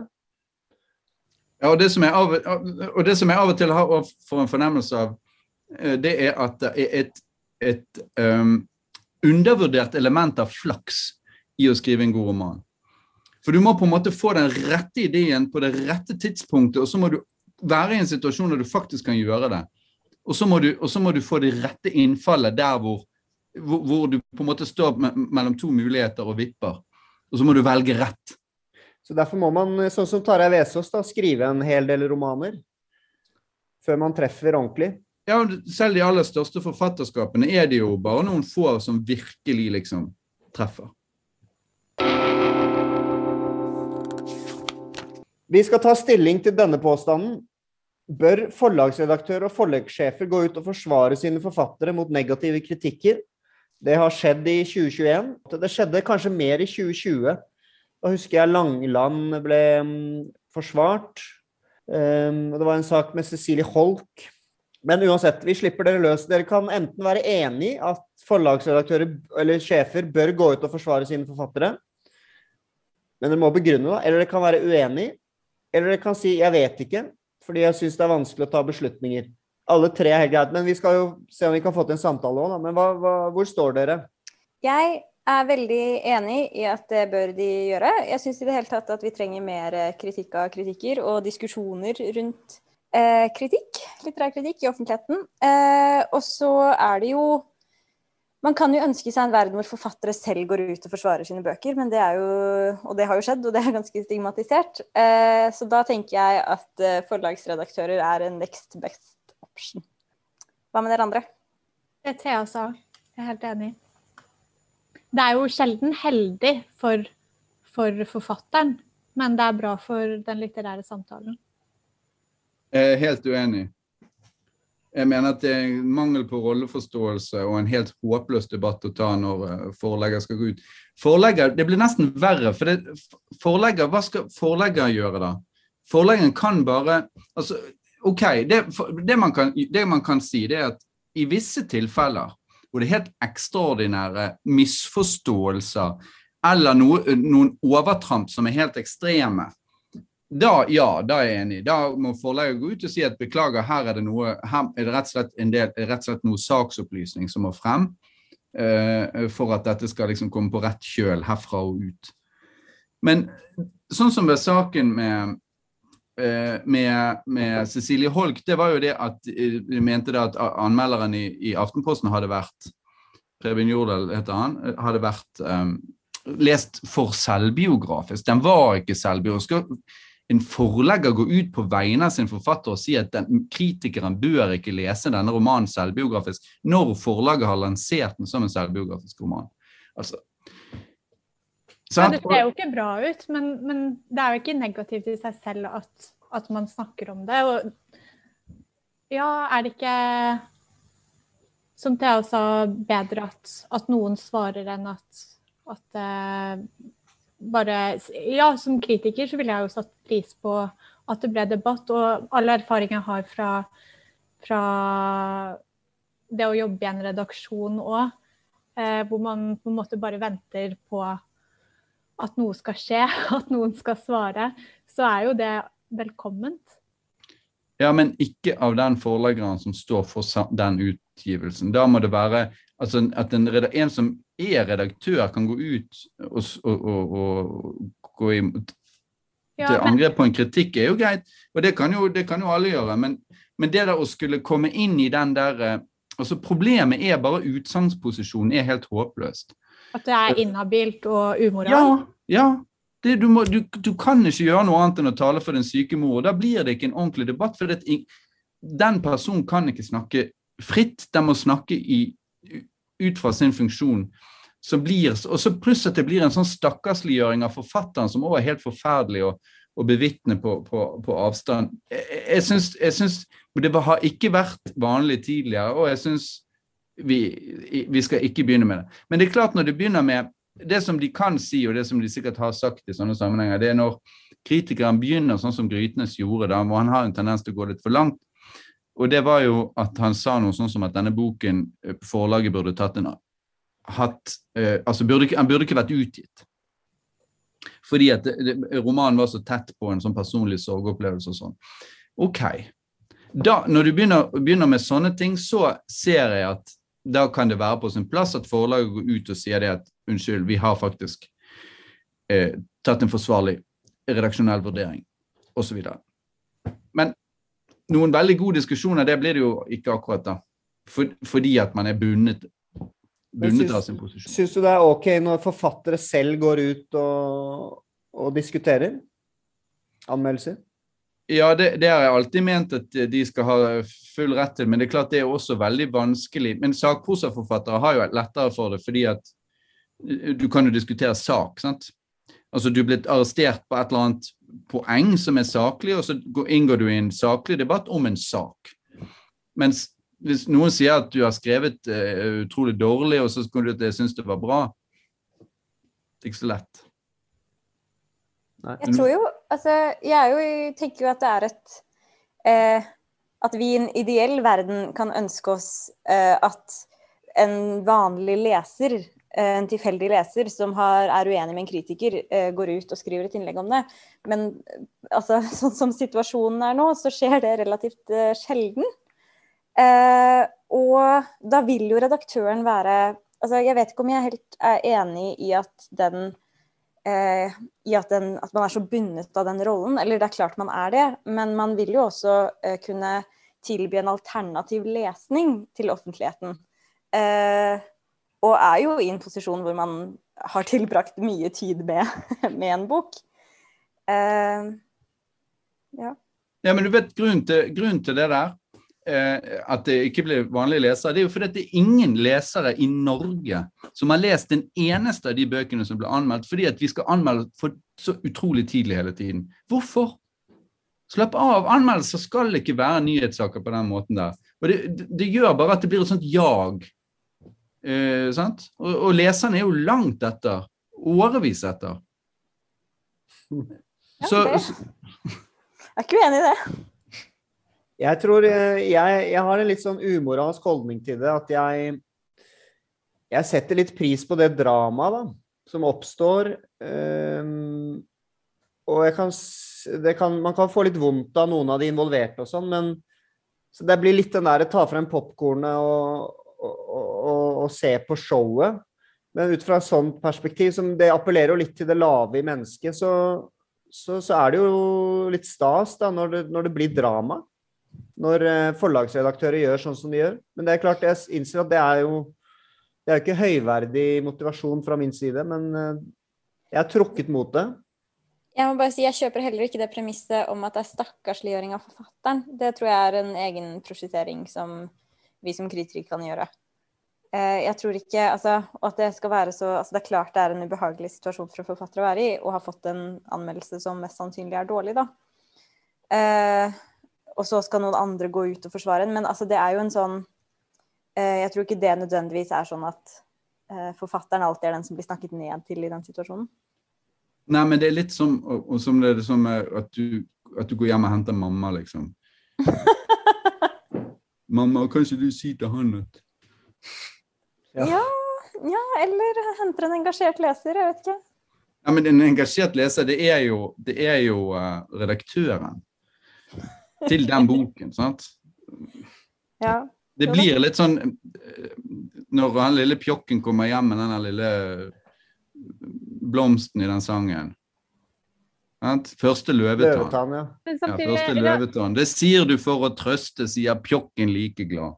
Sånn at Den har ikke så mye verdi for forfatteren det for å bli forsvart av sin Men- egen redaktør. Men jeg vil, jeg vil bare minne om først, Livet, bare kjapt, at Akilles i Iliaden, når han blir fratatt sin, eh, sitt krigsbytte, som er da en vakker kvinne, så, så går han til moren sin, en, en av gudene, jeg husker ikke hvem, og ber henne om å hjelpe seg.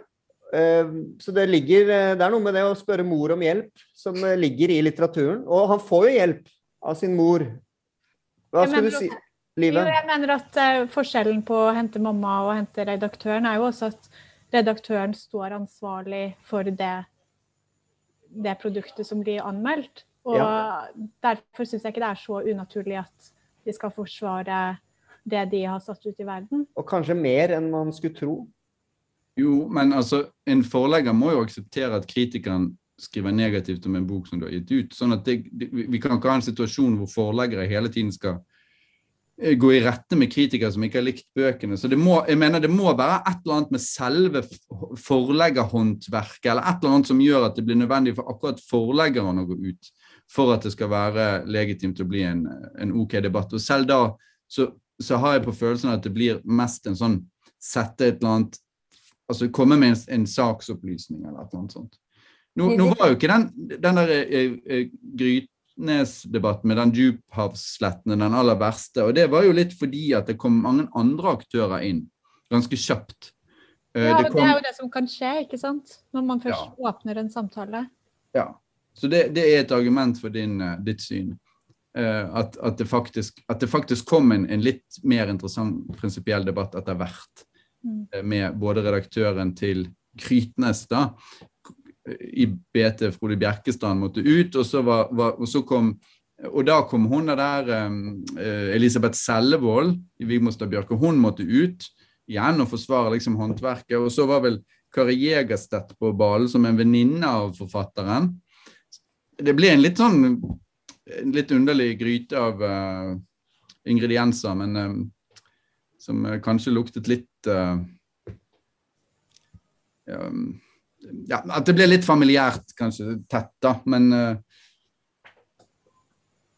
men det var noen prinsipielle spørsmål under debatter, ja. Nå fikk vi luftet uh, forskjellige sider av saken. Er det noen som vil legge til noe i denne debatten? Ikke annet enn at jeg tror kritikere har veldig godt av å bli kritisert. Eh, Og at jeg ønsker meg mer av det fra alle hold. Enig, men ikke av forleggere. Da er vi kommet til eh, vår nye spalte. Eh, den er det Eirin som står for. Hun kom med et overraskelsesspørsmål, ingen forberedelse. Vi skal først veldig raskt stemme over navnet på spalten. Jeg har laget tre navn. Ett til fornavnet, ett til mellomnavnet og ett til etternavnet. Eirin Andresen Betten. Eh, Så skal vi stemme. Første navnet, og Eirin vil ikke stemme selv, så det er vi andre som må stemme. Kan jeg legge ned veto? Det kan du gjøre. Ja. Første navnet er litteratur og rosévin med Eirin. Det rimer ikke, Jeg er det det skal gjøre. Andre navnet er Er du kresen, Andresen? Og det siste navnet er Betten på pletten. Da skal vi stemme, og da er det sånn at vi må jo justere litt i stemmene her, så kvinnenes stemmer teller to poeng. Uh, Frodes stemme teller ti poeng, for han er årets kritiker. Nei, nei, nei, det går ikke jeg med på. Du kan si Det, det betyr jo i praksis at jeg bestemmer det. det. Ja, du kan si fra deg stemmene dine og fordele de på de andre. Vil du det? Nei, jeg, jeg, nei, jeg foreslår du at de stemmene teller likt. Ja, det kan vi gjøre ved at du sier fra deg de ti, ti poengene og deler de ut til de andre. Ja, men da har jo jeg ingen stemme. Jo, du får, du får jo Jo, jo, jo. Du får jo beholde stemmer, men da fordeler vi overskuddet av dine stemmer likt på alle parter. Ja, og den enkle måten å gjøre det på, er at én person, én stemme. Jeg Ja. stemmer for Betten på pletten. Nettopp. Siste alternativ. Det var, jeg bare si, det var stort av deg å gjøre det, men greit. Ett poeng til Betten på pletten. Hva med dere andre? Betten på pletten. Jeg har bøtten på pletten her òg. Okay. Men eh, er du kresen, Andresen? God andreplass. Ja. Da er den i boks. Da ønsker vi velkommen til Betten på pletten. Jeg er ikke komfortabel, komfortabel med den tittelen. Barnebok- Selvironi, Eirin, er veldig bra å Ja. øve seg på. Det er en form for ydmykhet, egentlig. Her gir du ikke bare råd til forfattere, her får vi råd på løpende bånd. Alle som en. Altså, jeg tror Jo lenger denne samtalen varer, jo flere råd vil vi få. Og de, de, de, de Skulle de kan bli verdifulle. på. OK. Mm. OK. Uh, ja. Skal vi starte, da? Um, nå har vi jo faktisk snakka mye om det her, da. Så um, det blir på en måte forlengelse av egentlig hele samtalen. Men Morgenbladet har i år hatt to artikler på trykk. En på starten av året og en nå for et par uker siden. Og eh, den første kommer på nyåret og handla om lesevanene til de fem personene som var nominert til Tarjei Vesaas. Og den som var på trykk for et par uker siden, handla om lesevaner og konsentrasjon i det vi kan kalle for skal kalle for distraksjonens tidsalder. Altså, Frode har et essay om det i sin bok, og jeg har en bacheloroppgave om det. Jeg har skrevet om essayet og journalistikkens lesekontrakt i distraksjonstidsalder. Det var faktisk tittelen. Så um, det er den første som handler om Tarjei Vesaas, det kommer det jo fram at de leser jo veldig lite. Eh, de fleste av dem. Og én sier jo at på et godt år så leser den personen ti bøker. Det er et godt år. Um, de andre, og ene sier jo at hun i en, en periode på ti år ikke leste en eneste bok. Um, og de andre leser nok uh, Noen par sier vel at de er generelle lesere, men summa summarum så leses det jo ganske lite, da. Um, og det samme er jo med den konsentrasjonsartikkelen, eller den, den skal, dokumentet, da, som uh, dokument, dokumentarsaken som handler om konsentrasjon, der studenter på UiO må faktisk gå på sånne egne seminarer hvor de sitter i grupper og leser i fem timer der de kun tar seg lufteturer, hvor mobiltelefonen ikke får lov til å være med inn i rommet. Um, og mye forskning er jo gjort på dette her, da, fordi at en, nå har du jo altså vinduet bl.a. som er på nett. Uh, nå vet jeg ikke om det er så mye reklame på vinduet, det antar jeg at det ikke er, siden det er Eida Gyldendal, så det er ikke så mye annonser der. Så algoritmene får ikke lov til å spille, sin, eh, spille en rolle i leseverdig, lese, lese, leseligheten av artiklene på vinduet. Men um, det Tarjei Vesaas-saken tar opp, og den konsentrasjonssaken tar opp, er jo det at vi har lesende og skrivende mennesker som er så distrahert at det leses mindre.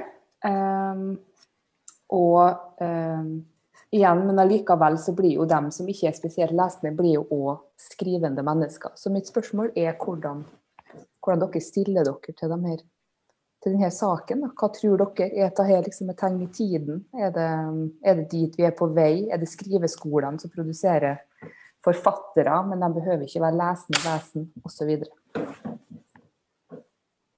Og hvor viktig er det å være et lesende menneske i den her, hvis du skal være en person som skriver, da?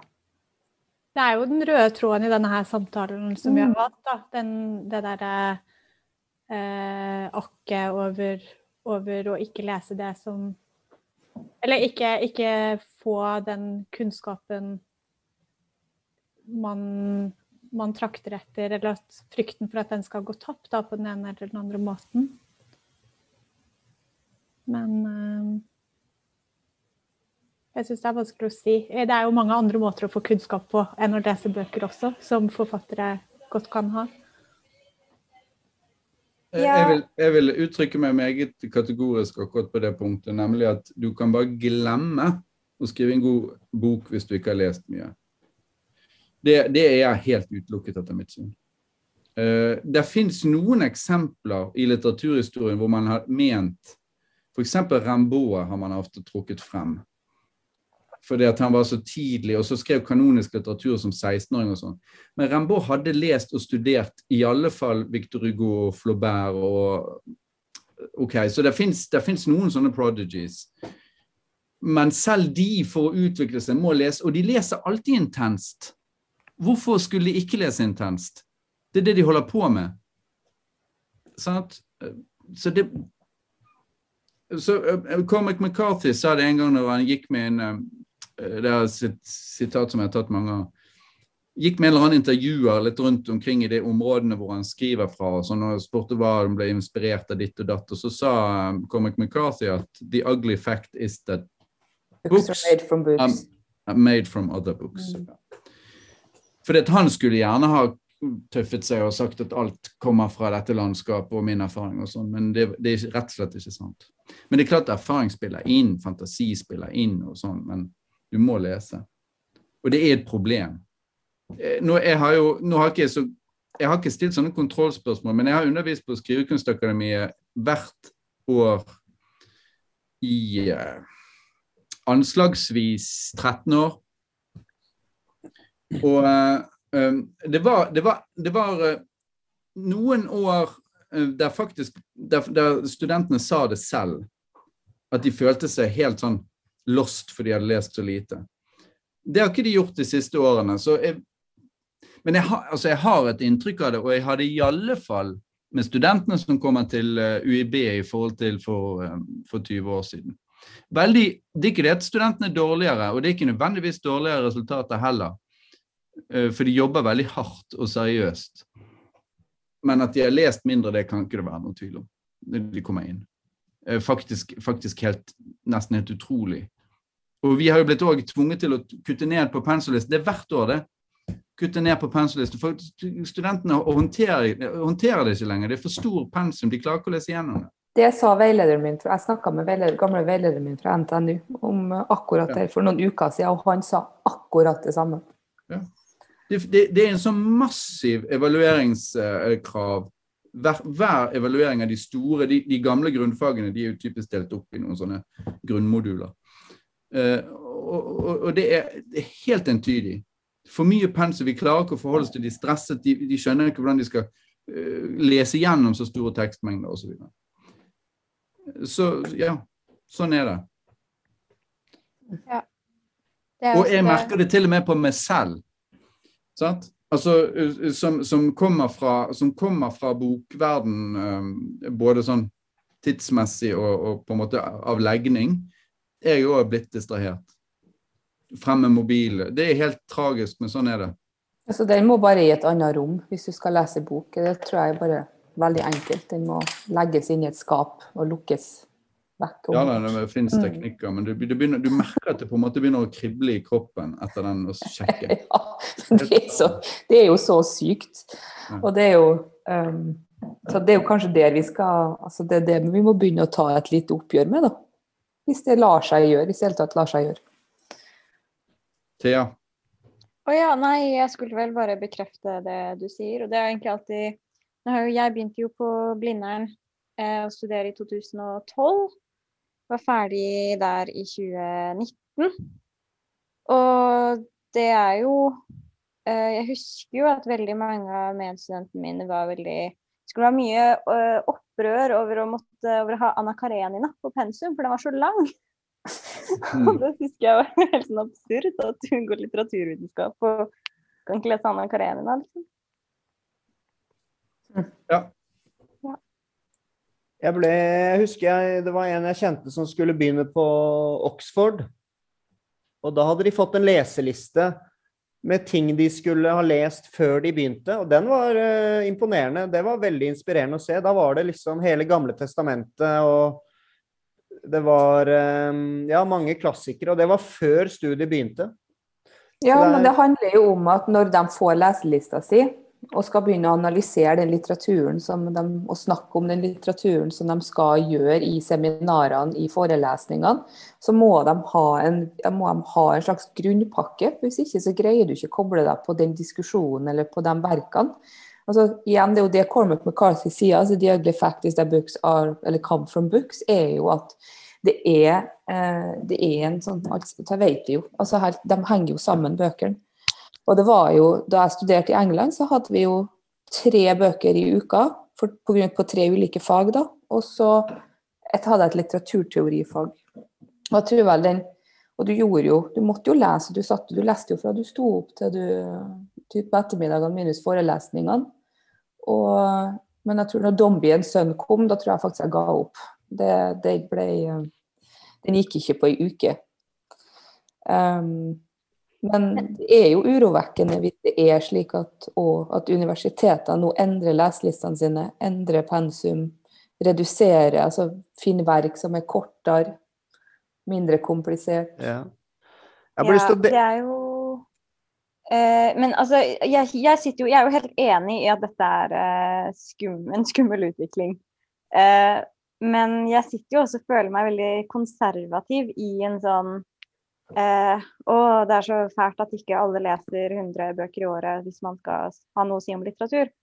Jeg tror jo, hvis vi er på vei bort fra det, eh, så er det noe med å kunne se liksom, litterær verdi også på andre plater. Selv om jeg kjenner sånn intuitivt at jeg er kjempelitt mot det. Ja, men hvis du klager over at det er for, for mange bøker og de er for lange, men du gjør et lite regnskap på, på eh, skjermtida di på mobilen, og du finner ut at du har tre timer gjennomsnitt per, gjennomsnitt per dag, har du da lov til å klage? Ja, nei, altså jeg sier jo ikke at uh, Altså jeg er jo, jeg er jo helt enig i at uh, hvis man At det er grep man kan ta, og kanskje så bør ta. Uh, men med meg. Det er jo heller ingen som har lest alt, ikke sant. Vi har jo Alle har jo hull, så på en måte hvor, hvor store krav skal man ha, da? Det, jeg tror det er mulig å skrive Jeg tror ikke det er mulig å skrive stor litteratur uten å ha lest en god del, men, men jeg tror det er mulig å skrive gode bøker og fortsatt ha veldig mange hull i på en måte dannelsen sin. Absolutt. Ja, det er klart. Men du må ha lest noe som er virkelig bra. Det er bare det jeg sier. Et par-tre ting som er virkelig bra, og som har, og som har liksom vært uh, fødselshjelper for din egen skriving. Ja. Men, men uh, nei, til, til, det der som ble sagt, så er det jo heller ikke For min del altså, La meg si det sånn at en gang uh, meg og Thomas Espedal hadde en sånn debatt som ble kalt for ulvedebatten. Jeg husker ikke helt hvorfor. Jo, det var fordi han hadde sagt et eller annet om at vi var ulver, meg og, og noen andre kritikere. Men da, da, hadde han et interessant poeng, for, det, for det, da kom vi inn på denne her digitaliserings... Eh, altså denne sur, litt sånn bitre, sure gammelmannstonen min da, med at nå må folk skjerpe seg og lese. Og så var hans poeng det at i hans oppvekst så var det ingen som leste. Ingen. Han kjente ingen. Han var den eneste som hadde funnet veien til bøkene. Folk holdt på med andre ting. De spilte fotball, eller de bare ja, drakk øl, eller de drev med andre typer ting. Men, men det, ja. Så han mente, hans synspunkt der var jo at det var mye at det nå er mye flere som har lest bøker enn den gangen. Og det vet jeg, det har ikke jeg sjekket. Men nå går boksalget ned og alt mulig sånn, men du kan ikke helt vite. Folk kan lese på andre plattformer og ditt og datt, så det er litt vanskelig og, og, og sånn. Men det kan jo hende at han har rett i at flere har lest litt, da. Mm. Mm, det tror jeg er sant. Mm. Jeg har lyst til å til slutt dele med dere en uh, liste som jeg skrev til meg selv uh, for ti år siden. Da jeg begynte på nordisk litteratur i, på Blindern. Og da bestemte jeg meg også for at jeg skulle bli forfatter. Men før jeg skulle skrive min første bok, så skulle jeg lese alle bøkene på den listen som jeg lagde. Og nå skal jeg lese den listen. Ja. Yngre Edda, Asbjørnsen og Moe samlede, Eldre Edda, Odysseen, Iliaden, Metamorfoser, Hesiod, Bibelen, Don Quijote, Mannen uten egenskaper, På sporet av den tapte tid, Ulysses, Tusen og en natt, Dekameronen, Montagnes essay, Senecas essay, Holbergs essay, av en eller annen grunn. Hvor ble han med der? Adorno, ubestemt hvilken, eh, hvilket verk. Væren og tid, Åndens fenomenologi, Saratustra Nietzsche. Frykt og beven av Kirkegård. Schopenhauer, Grammatologien, Drømmetydning, Ubehag i kulturen og kap hele Kapitalen tok jeg med på den listen. Det det førte til, er jo at jeg kom meg aldri gjennom hele listen. Jeg har jo lest mye av det, men ikke alt. Så den boken blir hele tiden utsatt. Det er lov til å bryte løfter. Ja, Jonas. absolutt. Jeg tenkte først du sa at dette var en liste over bøker du leste det året. Nei, jeg har, ikke, jeg har lest mye av det. Jeg kjenner til mye av det. Jeg har ikke vært igjennom alt det jeg sa nå. Nei, men du har jo noen år på deg, da. Iallfall ikke nødvendig å lese grammatologien for å skrive en god roman. Nå skal vi raske oss eh, for å nå slutten her, så vi også kan få litt søvn. Eh, trekk fram én utgivelse fra året som gikk, og en kjapp begrunnelse. Jeg trenger ikke å bruke så lang tid på det, men ehm, ja. Hvem vil starte? Eh, Jeg kan starte, for jeg vil si en bok som vi allerede har snakket mye om, eh, som jeg mener er en av årets beste eh, norske utgivelser, og det er eh, 'Mine menn'. Den hadde jeg planlagt å snakke om for, eh, før vi startet. Flott. Eh, uenig med Frode i at eh, ingen har lyst til å lese om kvinnelige seriemordere. Det tror jeg egentlig er uh, veldig stort publikum for. Ja, eh, det, det, var, det var ikke et poeng at det var en kvinnelig seriemorder. Jeg bare syns det er kjedelig med seriemordere. Liksom, hva gjør de seriemorderne? Dreper folk. Jeg tror uh, interessen for drap er stor. OK, neste. Essaysamlinga til Janet Winterson som heter 12 Bites. Der hun har eh, skrevet om, eh, om kunstig intelligens og teknologi i dag.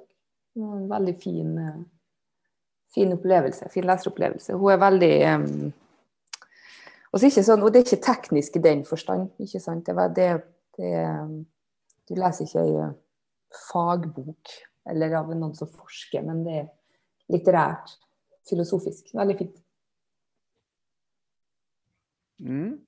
Ja, jeg, jeg var ikke helt klar over Jeg hadde oversett den, så jeg hadde jo allerede nevnt eh, Rachel Cusk. Så da kan jeg ta en annen, nemlig uh, Abdul Razak Gurna, nobelprisvinneren.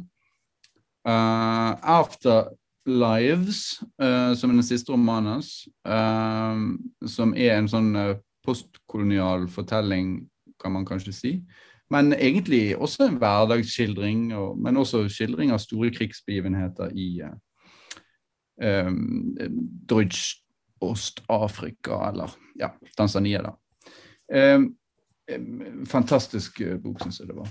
Og veldig, og veldig sånn interessevekkende. Altså virkelig fikk meg til å ønske å lese mer om, om hva som skjedde der nede. Historisk sett. Live K. Ja, jeg syns uh, Liv Kølsovs dagbøker var en av de beste leseopplevelsene i år. Ja. Veldig inspirerende å lese. Det er, det er veldig litterært, men samtidig er det, er det veldig dagbok. Så det er eh, Man får lyst til å ta vare på dagene sine og legge merke til dem. Mm. Jeg skal være litt frekk og, og si en bok som ikke har noen ting med 2021 å gjøre. Det er jo egentlig å unngå spørsmål litt, men, men det har betydd mye for meg i år, i 2021.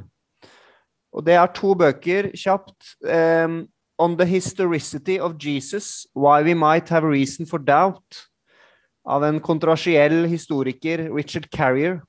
Veldig, veldig, veldig spennende. Um, og så vil jeg også trekke fram Markusevangeliet. I tillegg, det er en utrolig merkelig bok hvis man først um, tar den på alvor og leser den.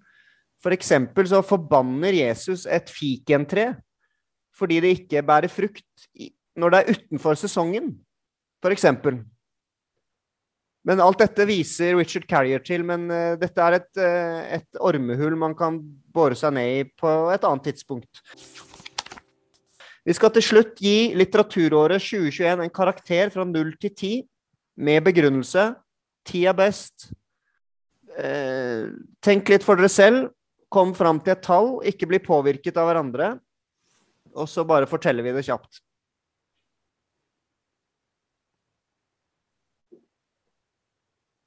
Gi meg et lite tegn når dere er klare. Thea er klar. Eirin er klar. OK. Da kjører vi på. Ja, Eirin kan starte. Må velge du. Å ja. Um, jeg var inne på femme. Midt imellom. Midt mer. Da får jeg opphøyd de bøkene som jeg likte å lese. Og så får jeg så får, jeg, så får alle de anmeldelsene der irritert meg over, lov til å ligge der, de òg. Yes. Frode, da? Jeg tror jeg begynner å bli litt sånn mild med årene, så jeg tror jeg sier syv. Um, altså, det var jo både da Gurna, Køsk, Tormod Haugland, Erlend Nødtvedt, blant andre bøker som jeg har satt pris på i år. Uh, så det var jo ganske Kan ikke klage på det. Men Det er sikkert flere år når jeg tenker over det. Jeg, jeg har liksom ikke tenkt gjennom hele listen. Det kan godt hende at det var flere òg. Det blir litt sånn eh, Ja. Ikke alltid man kommer på alt på sparket. Ja, ja. Nei, nei, nei. Min feeling er syv. Syv. Hva med Live? Ja, jeg hadde faktisk bestemt meg på, for eh, 7,5 til og med. Fordi jeg tenker på en måte hvor, hvor mye bedre Hvilket år var så mye bedre at det var ti? Det, det skjer jo ikke. Ja, jeg syns Fosse er verdt å trekke fram. Jeg syns virkelig at septologien er er eh, et hovedverk i hans forfatterskap. Og at 2021 virkelig tar seg opp på det. Ja. Thea, da? Eh, vel, jeg tenkte først at dette året har vært nokså gjennomsnittlig, og tenkte derfor å gi det fem. Men så har jeg lest en gang, innbiller jeg meg, at når folk flest skal vurdere sitt eget utseende på en sånn 0 til 10-skala, så velger de sju. Alle syns de selv er en sjuer. Eh, og det betyr jo egentlig at sjuer Altså sju er gjennomsnittet på en sånn eh, skala, så jeg lander på sju. Jeg syns det har vært et eh, godt eh, gjennomsnittlig år. Fine, fine bøker. Men hva er karakteren på ditt eget utseende? Det er jo sju, da. Er det ikke Ja. Nei, det, det var egentlig litt spøk. Eh, jeg Men det er ikke Nei. Ja. Mm, takk for meg. Nei, men, eh, men eh, jeg, jeg tror jeg også hadde satt syv på mitt eget utseende, faktisk. Jeg det. Jeg vil si jeg syns jeg selv er en åtter. Ja, men du er ung mann. Ja. Men jeg holder meg godt. Men uh, ja, så gjennomsnittet her Jeg gir også litteraturåret en åtter. Du er så positiv du, Jonas. Jeg er det. Tydeligvis den som er veldig negativ denne gangen her. Det, um, Det, skal vi se. det ble 34,5 delt på 5. 6,9. Ja. Det er ikke så verst. Er du mattelærer? Jeg er ikke mattelærer. 6,9 i karakter til 2021. Ehm, dette blir årets siste podkast. Vi ses igjen i 2022, kjære Eller vi høres igjen, kjære lytter. Tusen takk til ehm, Eirin, Frode, Live, Thea og meg selv. Og vi skal starte med eh, kort fortalt hva leser dere for tiden? Jeg foreslår vi tar samme rekkefølge som jeg eh, introduserte dere i. Ja. Så hvis eh, Frode har lyst til å starte? Ja, altså nå Jeg leser jo selvfølgelig veldig mye sånn i embets medfør hele tiden. Så, eh, så Men eh, akkurat i dag så tenkte jeg nå hadde jeg en time eh, for meg selv. Fordi at jeg ikke skulle til Oslo på blå likevel. Så hadde jeg plutselig litt tid. Så da fant jeg frem eh, Alexander Kielland, 'Arbeidsfolk' fra 1881. Begynte på den, så ble sittende en og en halv time. En halvtime ekstra, altså. Det syns jeg var veldig kjekt. Eh, faktisk òg en kandidat til eh, årets eh, Fryd. Eh, så, så det var hyggelig. Det, og den, eh, ja, så den leser jeg nå. Men det er jo veldig tidlig, det er jo veldig tidlig roman i det moderne gjennombruddet, egentlig. 1881. Sånn at eh, det er veldig interessant. Det er veldig mye som skjer i den perioden. Jeg planlegger å skaffe meg full kontroll. De som kjenner deg og kjenner podkasten, vet at du leser én bok i arbeids medfør, og så leser du én lyst, fritid Eller jeg vet ikke hva du kaller det. Um, en bok på fri, fritiden på nattbordet, liksom. Var dette i arbeid, eller var det i, i, fri, i mellomting? mellomting, på en måte. Nei, denne, denne her som heter uh, uh, Cesar Aira, An episode in the life of a landscape painter. Den hadde jeg på nattbord, men den er jeg ferdig med, da. Uh, så det var absolutt lystlesning. Veldig interessant og gøy. Uh, Ja. Det handler om en maler på 1800-tallet som drar til Argentina og der opplever utrolige ting. Eh, og ikke minst eh, får til eh, utrolige ting som maler. Jeg hadde den boka på pensum, husker jeg, i et sånn derre Gisle Selnes 'Gud er død'-fag. Den var veldig bra. Mm, ja, det, det, den kommer fra Gisle, jeg skal innrømme det. Mm. Jeg kjøpte den på Amazon, men den har ikke lest den ennå. Den ligger i boden. Den er jo veldig tynn. Jeg vet. Desto verre. Jeg har den i en sånn egen seksjon med tynne bøker. OK, eh, Live, hva leser du? Jeg begynte akkurat på De besatte av Dostojevskij, som jeg ikke har lest før.